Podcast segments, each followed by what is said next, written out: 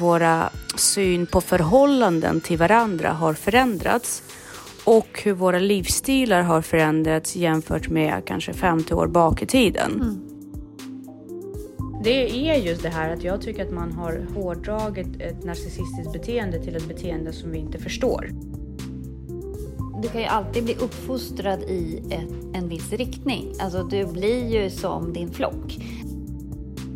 I samband med att vi också lever i en mycket mer individualistisk miljö så måste vi tvärtom nyansera varandras personligheter mycket, mycket mer. Det, det, har, det bär med sig ett paket av anpassningar. Eh, det bär inte med sig en diagnos utan det, det bär med sig en struktur och ett system. Du ska aldrig vara i en relation där du på något sätt ser negativt på den andra personen.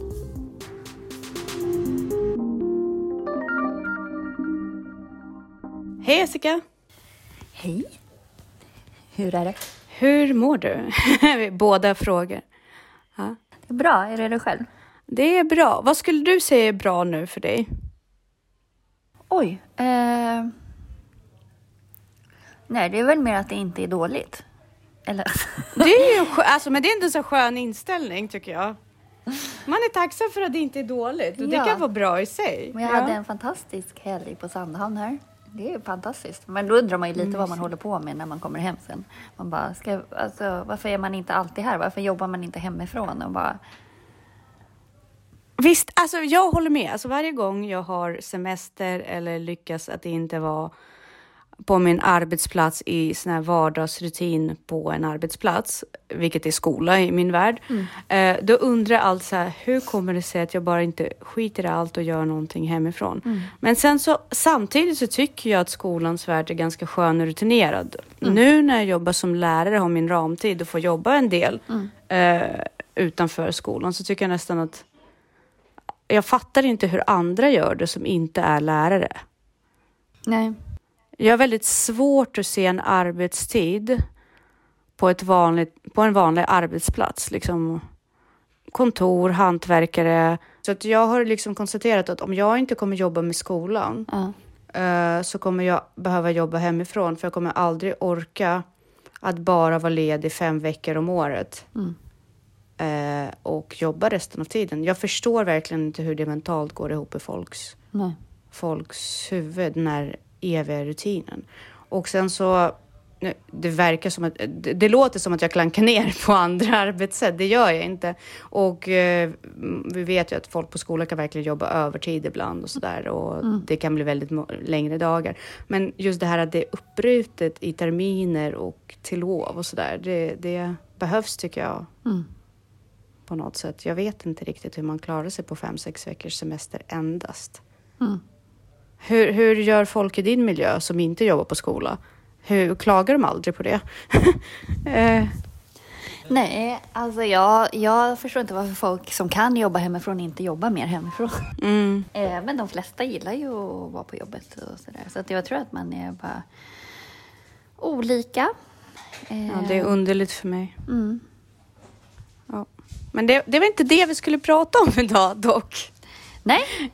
Vi kan säga varmt välkomna till, till Ansvarspodden.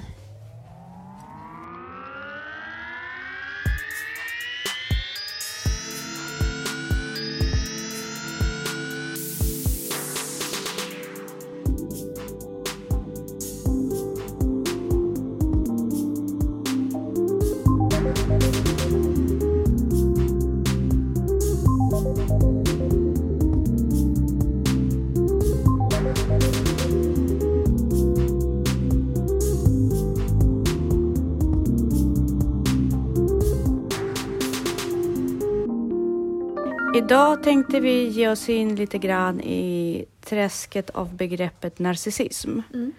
Jag har ju märkt väldigt mycket att det har börjat dyka upp väldigt mycket tips och knep och är du ihop med en narcissist? Är du, var är narcissisterna liksom i ditt liv?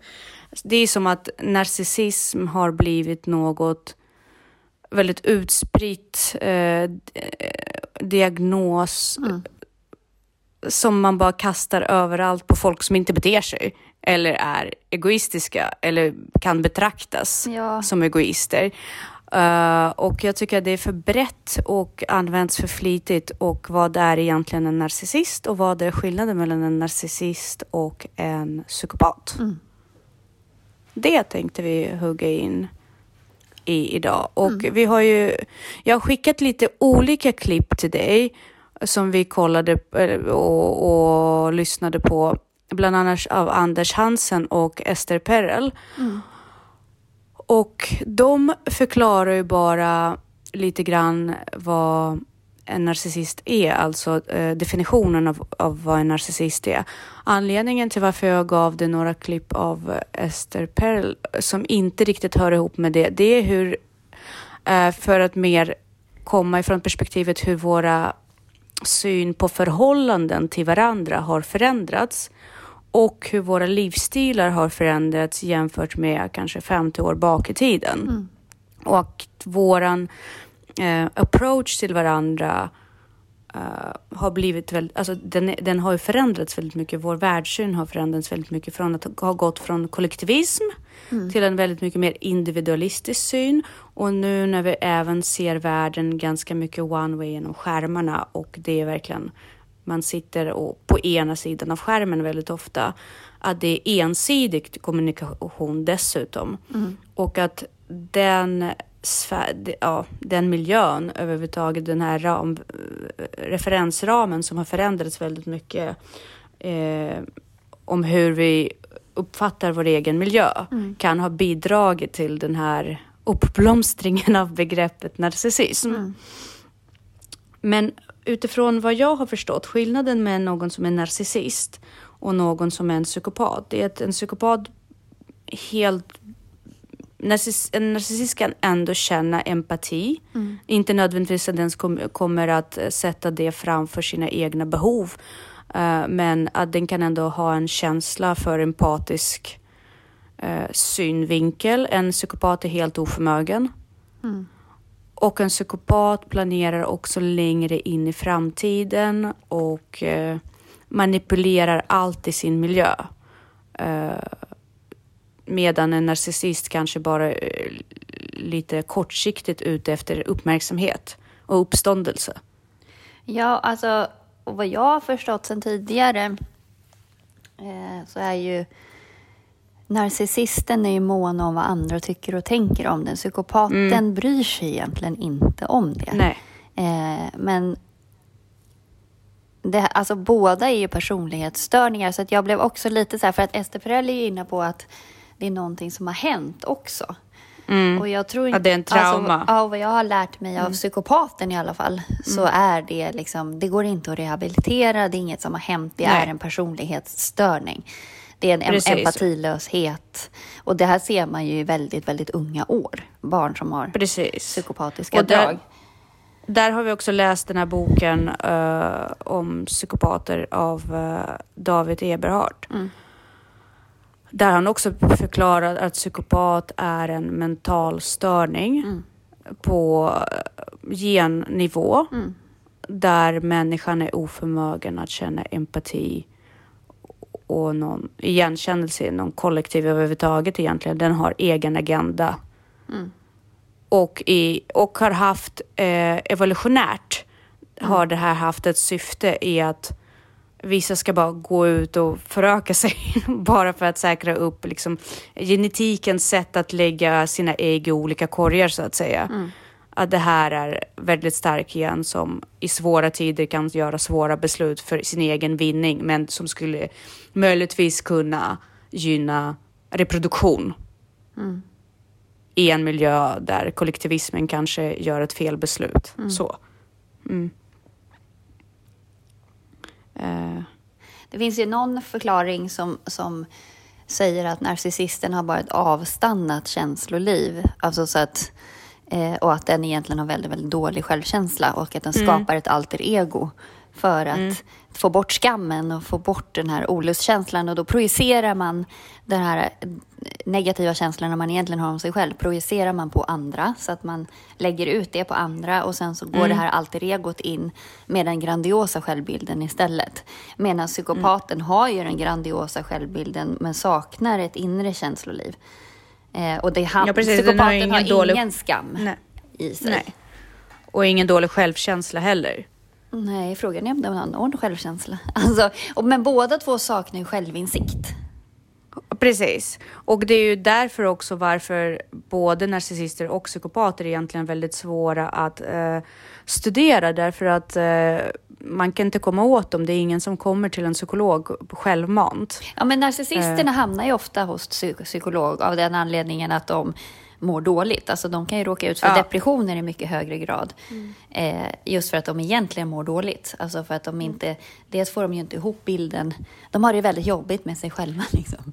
Ja men precis. Och, där, men det, och vad jag förstår också att narcissismen kan ofta vara eh, ett, eh, ett trauma som har orsakat. Att mm. Det har varit uh, trygghetsproblematik när man växte upp. Mm. Det har varit manipulativa föräldrar, mm. otrygg dynamik uh, mellan föräldrarna och manipulativa föräldrar mot barn. Mm. Och det har liksom kommit upp som en emotionell det är en egen emotionell vuxen som tar hand om det inre barnet ja, på något sätt. Ja. Det är en egen kölande förälder ja. som, man, som har inbyggt i sin identitet. Eh, som verkligen överdriver det här curlandet. Så mm. det, och det, det är ofta gensvar till att man har blivit illa behandlad, traumatiskt behandlad ur ett psykologiskt perspektiv eller fysiskt perspektiv mm. som har uppkommit som en skydd. Mm. Eh, Medan psykopaten föds ju till mm. en psykopat. Det går inte att fostra en psykopat. Nej. Utan de är som de är mm. eh, utifrån forskning. Och de kommer aldrig till tyvärr till forskare annat än uh, vad offren mm. berättar. Nej, precis.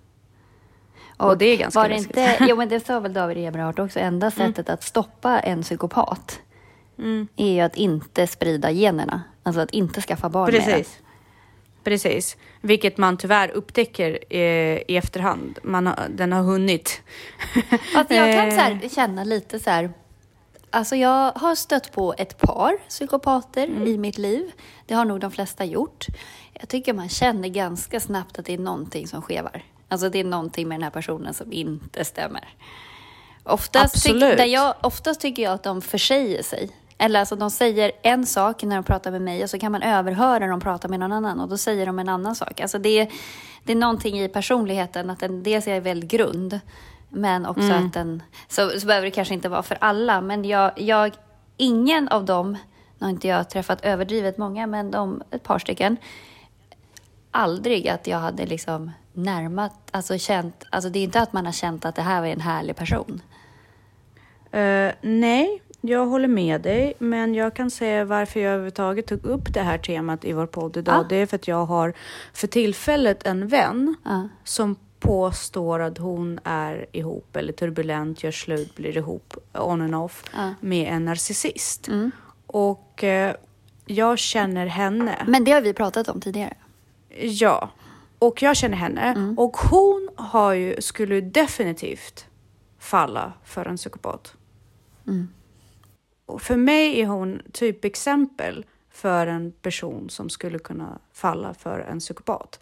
Jag har ju också träffat psykopater. Däremot så har jag haft eh, turen då kanske att träffa kvinnliga psykopater. Eh, där jag inte varit väldigt beroende av den relationen utan det har gått mig förbi farten så. Eh, två stycken har jag träffat och eh, dels så tycker jag det är extremt obehagliga människor. Mm. Eh, för att de duperar så mycket. Mm. Det kommer så mycket, eh, eh, vad är det heter? Uptalk, liksom att de smicker. Mm. Det är så mycket smicker eh, och helt överdriven smicker som man blir så här, men lägg av liksom, det är mm. obehagligt. Mm. Och sen eh, snabbt, snabbtal, väldigt snabbtal. Och sen så tittar, eh, så hela tiden skiftar med blicken när hon pratar med mig. Mm. Hon kollar liksom hela tiden förbi mig. Hon pratar till mig och kroppen är vänd och sådär men ögonen går hela tiden ifrån och det var så i båda fallen mm. eh, med de här kvinnorna då. Och eh, där, alltså, jag tror så här, om man möter en man som är väldigt, väldigt charmig och man själv inte är tillräckligt stark och vill ha smicker och behöver det inte själv, alltså, ja precis, har gått igenom mycket trauma själv. Mm. Där man inte har fått bra självkänsla. Jag tror det är jättelätt att Mm. falla för en psykopat. Det, det, jag tror att det är super, super enkelt. Och med tanke på att både psykopater och narcissister tenderar att ofta ha ledande positioner på jobb. Ja, alltså jag tycker till. så här, det är jobbigare med att ha en narcissistisk chef. Mm. Än att ha en psykopatisk Ja, men jag chef. tror att psykopatiska chefer nu för tiden blir nog inte så långvariga. Det är inte jättevanligt längre om det inte är så extremt mansdominerad. Mm. Eh, alltså, ja. Men jag tror inte att det funkar att vara psykopatisk chef längre faktiskt. Nej. Eh, men labila chefer överlag är obehagligt. Men narcissistiska chefer är ju svårare på det sättet att man eh, man måste ju på något sätt hela tiden appellera till en logik. Mm. Och eh, även om man har gjort en liksom man, man känner att det är en stringent argumentationskedja så kommer den ändå inte falla på plats. Mm. Därför det kommer hela tiden slinkas ifrån och det tycker jag är väldigt jobbigt. Mm. Därför det går inte att få narcissisten erkänna att den har fel. Nej. Eh, precis som med psykopaten då, men narcissisten är också jobbigare då för att den är så... Den är ju ändå mer känslomässigt manipulativ än vad en psykopat är, tror Mm. jag. Psykopat är bra på gaslighting och förändra din bild av verkligheten. Mm. Narcissisten, eh, narcissisten utifrån det här är ju mer person, eh, personlig känslomanipulation. Mm. Och det kan vara mycket mer obehagligt på en arbetsplats. Mm. Eh, men sen så tänkte jag i samband med det, när vi, prat, när vi pratar om det här nu. Jag tänkte, hon ser ju någonting, eh, Esther Perel, som jag tyckte var väldigt intressant. Mm. Hur man blir uppfostrad. Mm. Är man uppfostrad i en kollektivistisk anda? Mm. Eller är man uppfostrad i en eh, indivi- individualistisk anda? Mm. Ehm, jag kommer från en miljö där man är uppfostrad i en väldigt kollektivistisk anda. Eh, det är väldigt hierarkiskt eh, vad gäller ålder. Eh, Ju, ju äldre man är, desto mer respekt förtjänar man i min familj. Eh, och det är... Även om jag har rätt i sak Mm. Så måste jag ofta böja mig för äldre generationerna för att jag är yngre. Även om argumentationen är stringent och liksom så. Mm. Då kan det ändå vara så här, låt det vara Tanja, nu, nu är det så här. Uh, fastän jag är 38. Mm. Och det är väldigt liksom, jag har alltid, jag kommer alltid känna en skyldighet gentemot mina äldre generationer. Inte för att jag väljer det, utan för att på något sätt så har det fostrats i mig den skyldigheten ska finnas. Mm. Nu menar inte jag att, om, att jag skulle skita i mina äldre ifall jag, fick, ifall jag inte hade den här känslomässiga beroendet liksom, eller eh, ansvaret. Men, men eh, att det är en del av min kamp, så att Mm. säga. På, nu lät det jättekonstigt att jag sa min kamp. Men min kamp att hela tiden skydda min integritet och skydda min personlighet gentemot den här lite inre rösten som hela tiden kallar mig för otacksam. Som Mm. har fostrats. Jag vet att det är någonting som jag måste jobba på. Mm. Gentemot till exempel min dotter som jag verkligen försöker göra fri från de här ban- banden. Mm. Och där upplever jag ofta att jag faller, en generation som faller mellan stolarna. Därför att jag är skyldig mina föräldrar Mm. emotionellt. Mm. Och min dotter är inte skyldig mig. Nej. Eh, och jag känner mig ofta att det dras från båda håll. Mm. Och där är jag på något sätt... Jag, jag upplever ofta att jag är omgiven av väldigt narcissistiska personligheter. Fast jag vet att det inte är så. Så där måste man också skilja på vad narcissism egentligen är och hur, och vad, hur vi är fostrade gentemot, alltså, gentemot våra familjer. Är det kollektivism, kollektivism eller individualism mera som styr? Så det, det, det går inte att skylla på narcissism, utan där måste man se en djupare mening i, i familjestrukturen än att man bara kan blint skylla det här, men mina föräldrar är narcissister eller min dotter är narcissist. Det handlar inte om det, utan det är skillnaden i uppfostran. Mm. Vad skulle du säga generellt, alltså uh, vad gäller narcissism versus då det här uppfostran och tankesättet. Är det lätt att ta fel på vad som är vad? Oj! eh, jag vet inte om jag kan uttala mig om det. Eh, men eh, det är klart att, att du, du kan ju alltid bli uppfostrad i ett, en viss riktning. Alltså du blir mm. ju som din flock. Det är likadant mm. om du har en, en, en förälder med Asperger. Vi säger att du växer mm. upp med en ensamstående mamma som har Asperger. Det är klart att du mm. kommer få ett aspergianskt beteende. Mm. Alltså, för att i och med att om inte du är tränad i kramar och fysisk kontakt till exempel så kommer mm. du uppleva det som lite konstigt. Mm. Eller, alltså, så, här, så att, alltså om man hårdrar det, du blir ju som, ja, du blir upp, du blir ju som din flock. På samma sätt mm. som att vi kan ju tycka att så här, vissa kulturer världen över kanske vi tycker är väldigt mm. primitiva och har en konstig människosyn. Mm. Men det är ju för att deras flock är så. Alltså det kanske mm. inte betyder att om den här personen hade växt upp i en annan flock så hade den inte haft de här värderingarna och normerna mm. eller det här sättet. Alltså så det där är ju vad är arv och vad är miljö? Eh, men det är klart att du kan ju aldrig, alltså om nu psykopaten är genetiskt mm. Då kan du ju aldrig få den att bli världens mest medkännande människa, men den kanske inte behöver Nej. bli mördare. Liksom. Men, och likadant, narcissisten verkar ju ändå som den har någon form av den medkänsla och att den mm. kanske är mer en produkt av... Rehabiliteringsbar. Ja, ja men precis. mm, mm. Eh, jo, men det tror jag. Och i och med att den, är, den verkar ju också mer responsiv på hot och, och straff mm. eller liksom belöningar. Och i och med mm. att vad jag förstår att narcissisten faktiskt bryr sig om vad andra tycker och tänker om den, det är en mm. väldigt viktig drivkraft. Så om den Precis. förstår att det här är ett fullständigt oacceptabelt beteende, folk kommer mm. hata dig om du, du har inga vänner kvar om du gör så här. Det Precis. kanske bit, biter. Och där är också väldigt intressant, för jag tror att det är en uppsjö av det här snacket om mm, liksom, skydda dig mot narcissismen. Är det röda flaggor i relationen? Är det ihop med narcissism? Det är just det här att jag tycker att man har hårdragit ett narcissistiskt beteende till ett beteende som vi inte förstår. Uh, och att det kan vara olika miljöer och att det är så mycket som kan spela in. Ja, men, också, men alla de här... Ja, förlåt. De, förlåt. Nej, men alla de här essentiella, till exempel drag som uh, Anders Hansen pratar om, mm. uh, som man såg en lista. Det passar ju så bra in på ADHD också. Mm.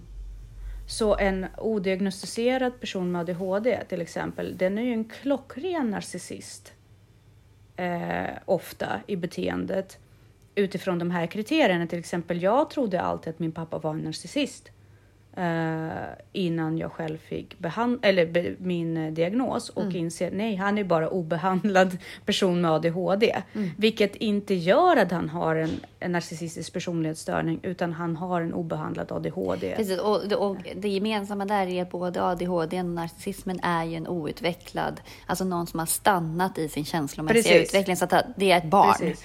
I båda ja. fallen är det ett barn som agerar. Precis. Sen så ter det och, sig på olika ja. sätt. Exakt.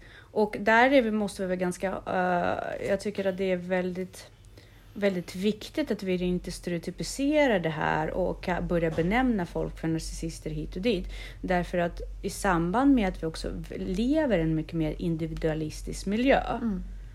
så måste vi tvärtom nyansera varandras personligheter mycket, mycket mer. Mm. Så att man inte hamnar i en situation där man bara tycker att alla är egoister därför att vi är i grunden just nu drivna till att vara väldigt egocentriska. Mm.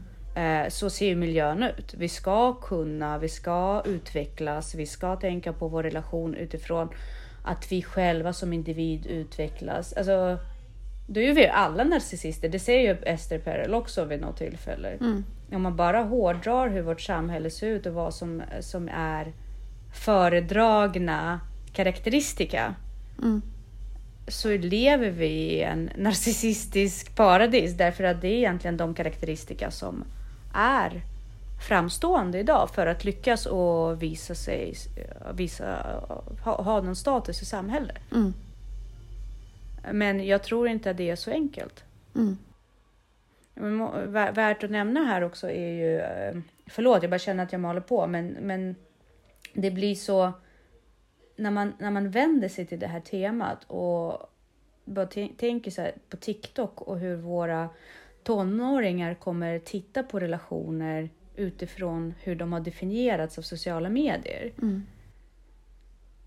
Det är ju så mycket som man inte liksom öppnar upp där heller. Man öppnar inte upp de här lipiderna som, som vi pratade också vid något tillfälle om att varje gång man känner en känsla starkt, mm. då, då slår det tillbaka och då känner man en likadan motsatskänsla väldigt starkt åt andra hållet.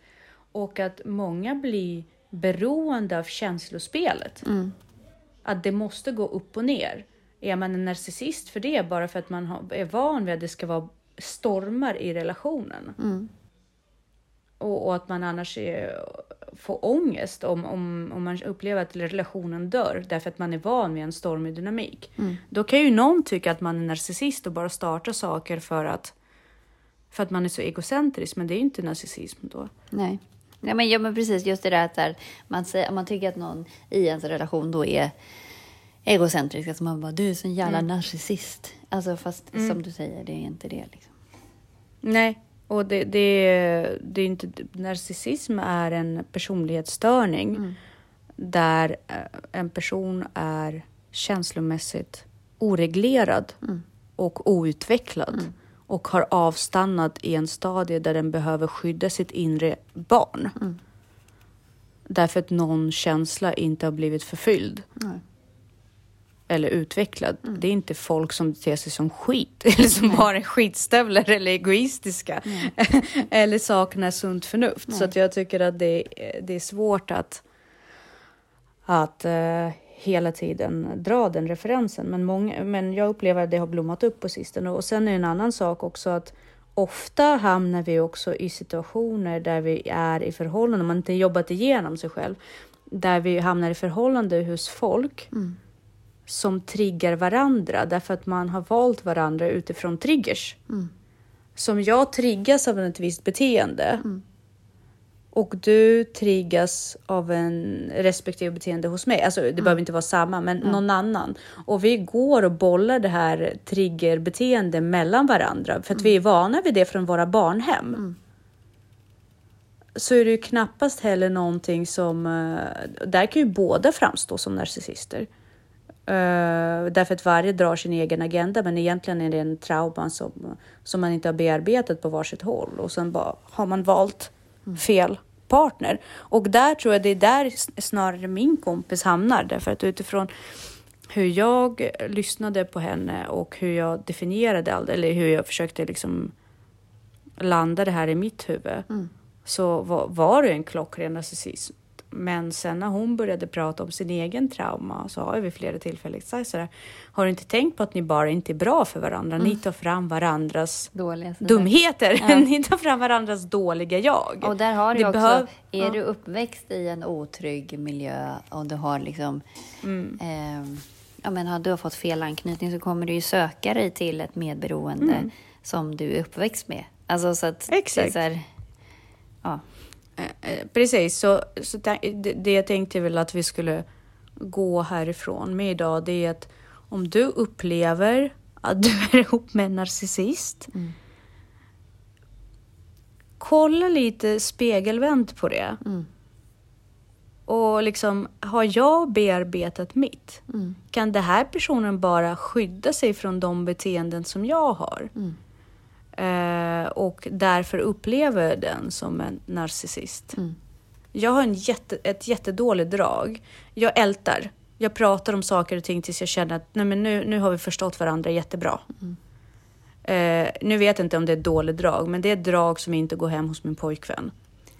Han vill, ja, men, eh, ja. Och han vill höra vad jag har att säga. Mm. Och sen vill han smälta det. Mm. Och sen vill han att vi går vidare. Jag Men alltså, du liksom behöver ju bekräftelse på att den ja, andra har exakt. förstått och att den exakt. andra kanske till och med håller med dig. Exakt. Han kan inte ge mig det, Nej. därför det är inte alltid han håller med mig. Nej. Men det han kan men ge mig... Men det är nyttigt faktiskt, för ibland behöver man ja. också att någon så här, men du, vad säger du? Skärp dig. Alltså. Jo, men, nej, men exakt. Och han säger ifrån när han inte håller med mig. Men när han håller med mig, Mm. då, då går han bara ner i varv och sen så bara gör han inte om det. Eller anstränger sig för att inte göra om det. Mm. Men jag, må, jag söker mig till det här. Men kan du, kan du säga att du håller med mig? Mm. Kan du säga att du håller med mig? Han bara, nej, jag kommer inte ge dig det. Nej. Därför det här är ett väldigt specifikt fall. Jag vet inte om jag kommer hitta en logik i det i framtiden. Nej. För det är det någonting som en dominobricka som faller som utmynnar det ena från det andra. Mm. Från mig, för mig är det helt separata fall. Han har ju liksom högfungerande autism Mm. också. Så att jag kan förstå vad du behövde den här stunden, men jag kan inte ge Kan dig inte ett generalisera det så. Exakt, jag kan inte ge dig det. Det är bra. Och sen så, ja, jo men precis. Men sen så blir jag irriterad när jag upplever att liknande fall uppstår, för då känner jag så här, men vi har redan gått igenom det. Mm. Och för mig är det samma sak och för honom är det verkligen inte det. Så att jag, jag Men det är för att ni ser på det. Han kanske ser det rent ur situationen. Du kanske ser Ja. det ur det här fick mig att känna samma sak. Emotionellt, precis. Exakt. Och det, och det är det viss, för om, om man skulle, jag skulle lätt kunna förklara honom som en narcissist till mina vänner och de skulle hålla med mig. Nej men alltså, ja men absolut. Jag, jag skulle lätt kunna göra det och det skulle gå hem. Men då satte jag mig ner och frågade så här, men vad vill jag? Vill jag den här personen ska vara en narcissist? Eller vill jag faktiskt att vi ska kunna förstå varandra? Och bygga någonting tillsammans. För jag tror också det ligger väldigt mycket i hur du definierar din partner eller den du försöker bygga relationer med. Man kan se det, eh, ma- man kan utmåla den personen som den är, men om han i slutändan ändå säger jag älskar dig och det betyder mycket för mig att jag inte ska göra dig illa. Så måste man ändå försöka hitta de här små broar som kan ge varandra förklaringar hellre än att bara stöta bort och bara nej, du vill inte se mig i det här. Så det gäller verkligen att bearbeta sig själv också innan man börjar utnämna att folk är narcissister hit och dit. Psykopater är en annan sak. De, de, de, de är läskiga på en helt annan nivå. Men just det här med narcissistiska personlighetstyper, det är en svår fråga. En väldigt svår fråga. Och har en person inte fått en diagnos, då är det verkligen eh, liksom, utifrån vilket perspektiv man ser på saker och ting. Har jag helt tagit över den här podden Jessica? Nej, alltså, nej, nej. Det, du har ju massa viktiga grejer att säga. Det är du som... Ja. Ja, men, men, men jag bara tänkte just det här, det är så lätt för kvinnor att skrika att de är ihop med narcissistiska män. Ofta har det liksom, det är, det, det är den sida av det jag har. Är din pojkvän en narcissist och sådär? Men jag tror att kvinnor, eftersom vi är bättre på känslor överhuvudtaget och vi kan mycket bättre orientera oss i det känslomässiga livet, hur vi skapar, how we spin a tale. Jag tror att kvinnor är mycket bättre på det av sin natur, av, bara för att vi är kvinnor och vi socialiserar på ett annat sätt eh, från, från barndomen och på grund av våra hormoner. Så är det mycket enklare för oss att se män som narcissister hellre än att ge det en annan förklaring. Tror, kan det vara så? Jag tror att folk säger väldigt mycket i affekt och folk tänker inte. Och jag tror att det är som man kan... Jag reflekterade själv över så här, eh, vissa uttryck som jag kanske använder som jag bara, men vad betyder det? Får man säga så? Vad betyder det egentligen? Och bara, Så började jag fundera så här, var jag tvungen att googla på vad det betydde och sen så bara, men vad betyder det för mig? Och bara, det är, ju- Jag använder det i det här syftet som det betyder för mig, men det kanske egentligen betyder någonting annat. Eh, Sen så tror jag att man generellt ska vara försiktig med att diagnostisera andra människor. Eh, men man kan ju också säga att man kan säga att någon har narcissistiska drag. Här, jag upplever att du har narcissistiska drag. För det, har ju, det kan man ju alla ha. Eh, Men jag tror att just här att inte diagnostisera folk. Nu vet jag att liksom, vi som lärare kan ju ofta diagnostisera de här vanligaste diagnoserna ganska lättvindigt på barn. Men det är också för att ha ett gemensamt språk om, om vi säger att det är tänk ADHD kring den här eleven. Det säger så otroligt mycket mer. Även om barnet kanske Exakt. inte har ADHD, men det är likadant, tänk autism. Då vet vi hur vi ska förhålla oss till den här eleven. det, det, har, det bär med sig ett paket av anpassningar. Ja, precis. Eh, det bär inte med sig en diagnos utan det, det bär med sig en struktur och ett system. Mm. Eh, ja, precis. Så att, ja. Men så, så behöver det ju absolut inte se ut för folk som inte har med det här att göra hela tiden. Eh, och i vår, alltså, tänk också på att vi som lärare går igenom så himla många människor som vi jobbar med konstant. Visserligen små människor, men det är fortfarande ett väldigt stort flöde av ganska eh, långvariga relationer. Alltså det är inte att man, de bör nödvändigtvis vara djupa, men man lär känna barn Mm. väldigt bra tycker jag. Mm. Eh, och vilket gör att våran bank av erfarenhet i sociala interaktioner är väl, väldigt hög. Mm. Och därför har vi ju lättare att generalisera också. Mm. För att siffror, alltså vår statistik har, personlig statistik har ju ganska hög eh, alltså bas. Mm. Och därför måste vi på något sätt, för att prata anpassningar eller hjälpmedel eller styrkor, kunna refer- ha ett gemensamt språk. Därför att vi kan absolut aldrig individualisera på det sättet. Vi har inte tid för det. Nej. Vår, vår arbetsplats har skapat, eller vår, våra politiker har skapat en miljö för oss där vi måste generalisera. Mm. Eh, så ja, där pratar vi väldigt mycket diagnoser, men utifrån anpassningar och strukturer snarare än mentala diagnoser eller neuropsykiatriska funktionsnedsättningar så, utan tänk ADHD i strukturen. Mm. Precis. Men vi drar ju sällan med narcissistiska eller, eller psykopatiska drag. Däremot så märker man ju ofta när ett barn brister i empati. Och den är ju svår att eh, förklara till föräldrar, eller säga till föräldrar tycker jag. Mm.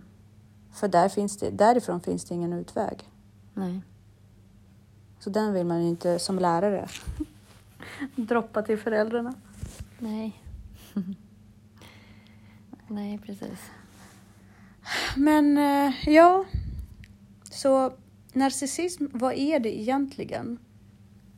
Jag tror att en eh, kort relationstest eller sök efter de här röda, röda flaggor i din relation tyvärr är inte rätta sättet att liksom tillväga eh, gå Nej. om du har problem. Nej, men om man känner så, då ska man inte vara i den relationen. Alltså, det är ju bara att säga Nej. sig själv. Alltså, och Du ska ju aldrig vara i en relation där du på något sätt ser negativt på den andra personen.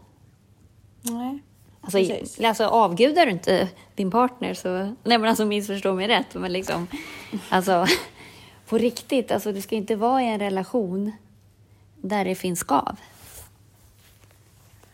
Eh, ja. Eller du ska inte vara i en relation där du inte känner att skaven är mindre än nyttan. Ja, men alltså är det skav så löser man dem. Ja, men Om det är konstanta skav så precis, då är det ju något fel. precis. Du ska inte gå in i det här med att Åh, nu händer det här igen. Man ska inte förbittra sig i en relation. Nej. Utan det är klart man, there's bumps on the road, men det ska inte vara liksom att hela bilen är bara i dålig skick. Nej, precis. Yes. Yes. Vi avslutar så. Ja, Vi hörs nästa vecka. det gör vi. Ha det. Ha det bra. Detsamma. Hej! 哎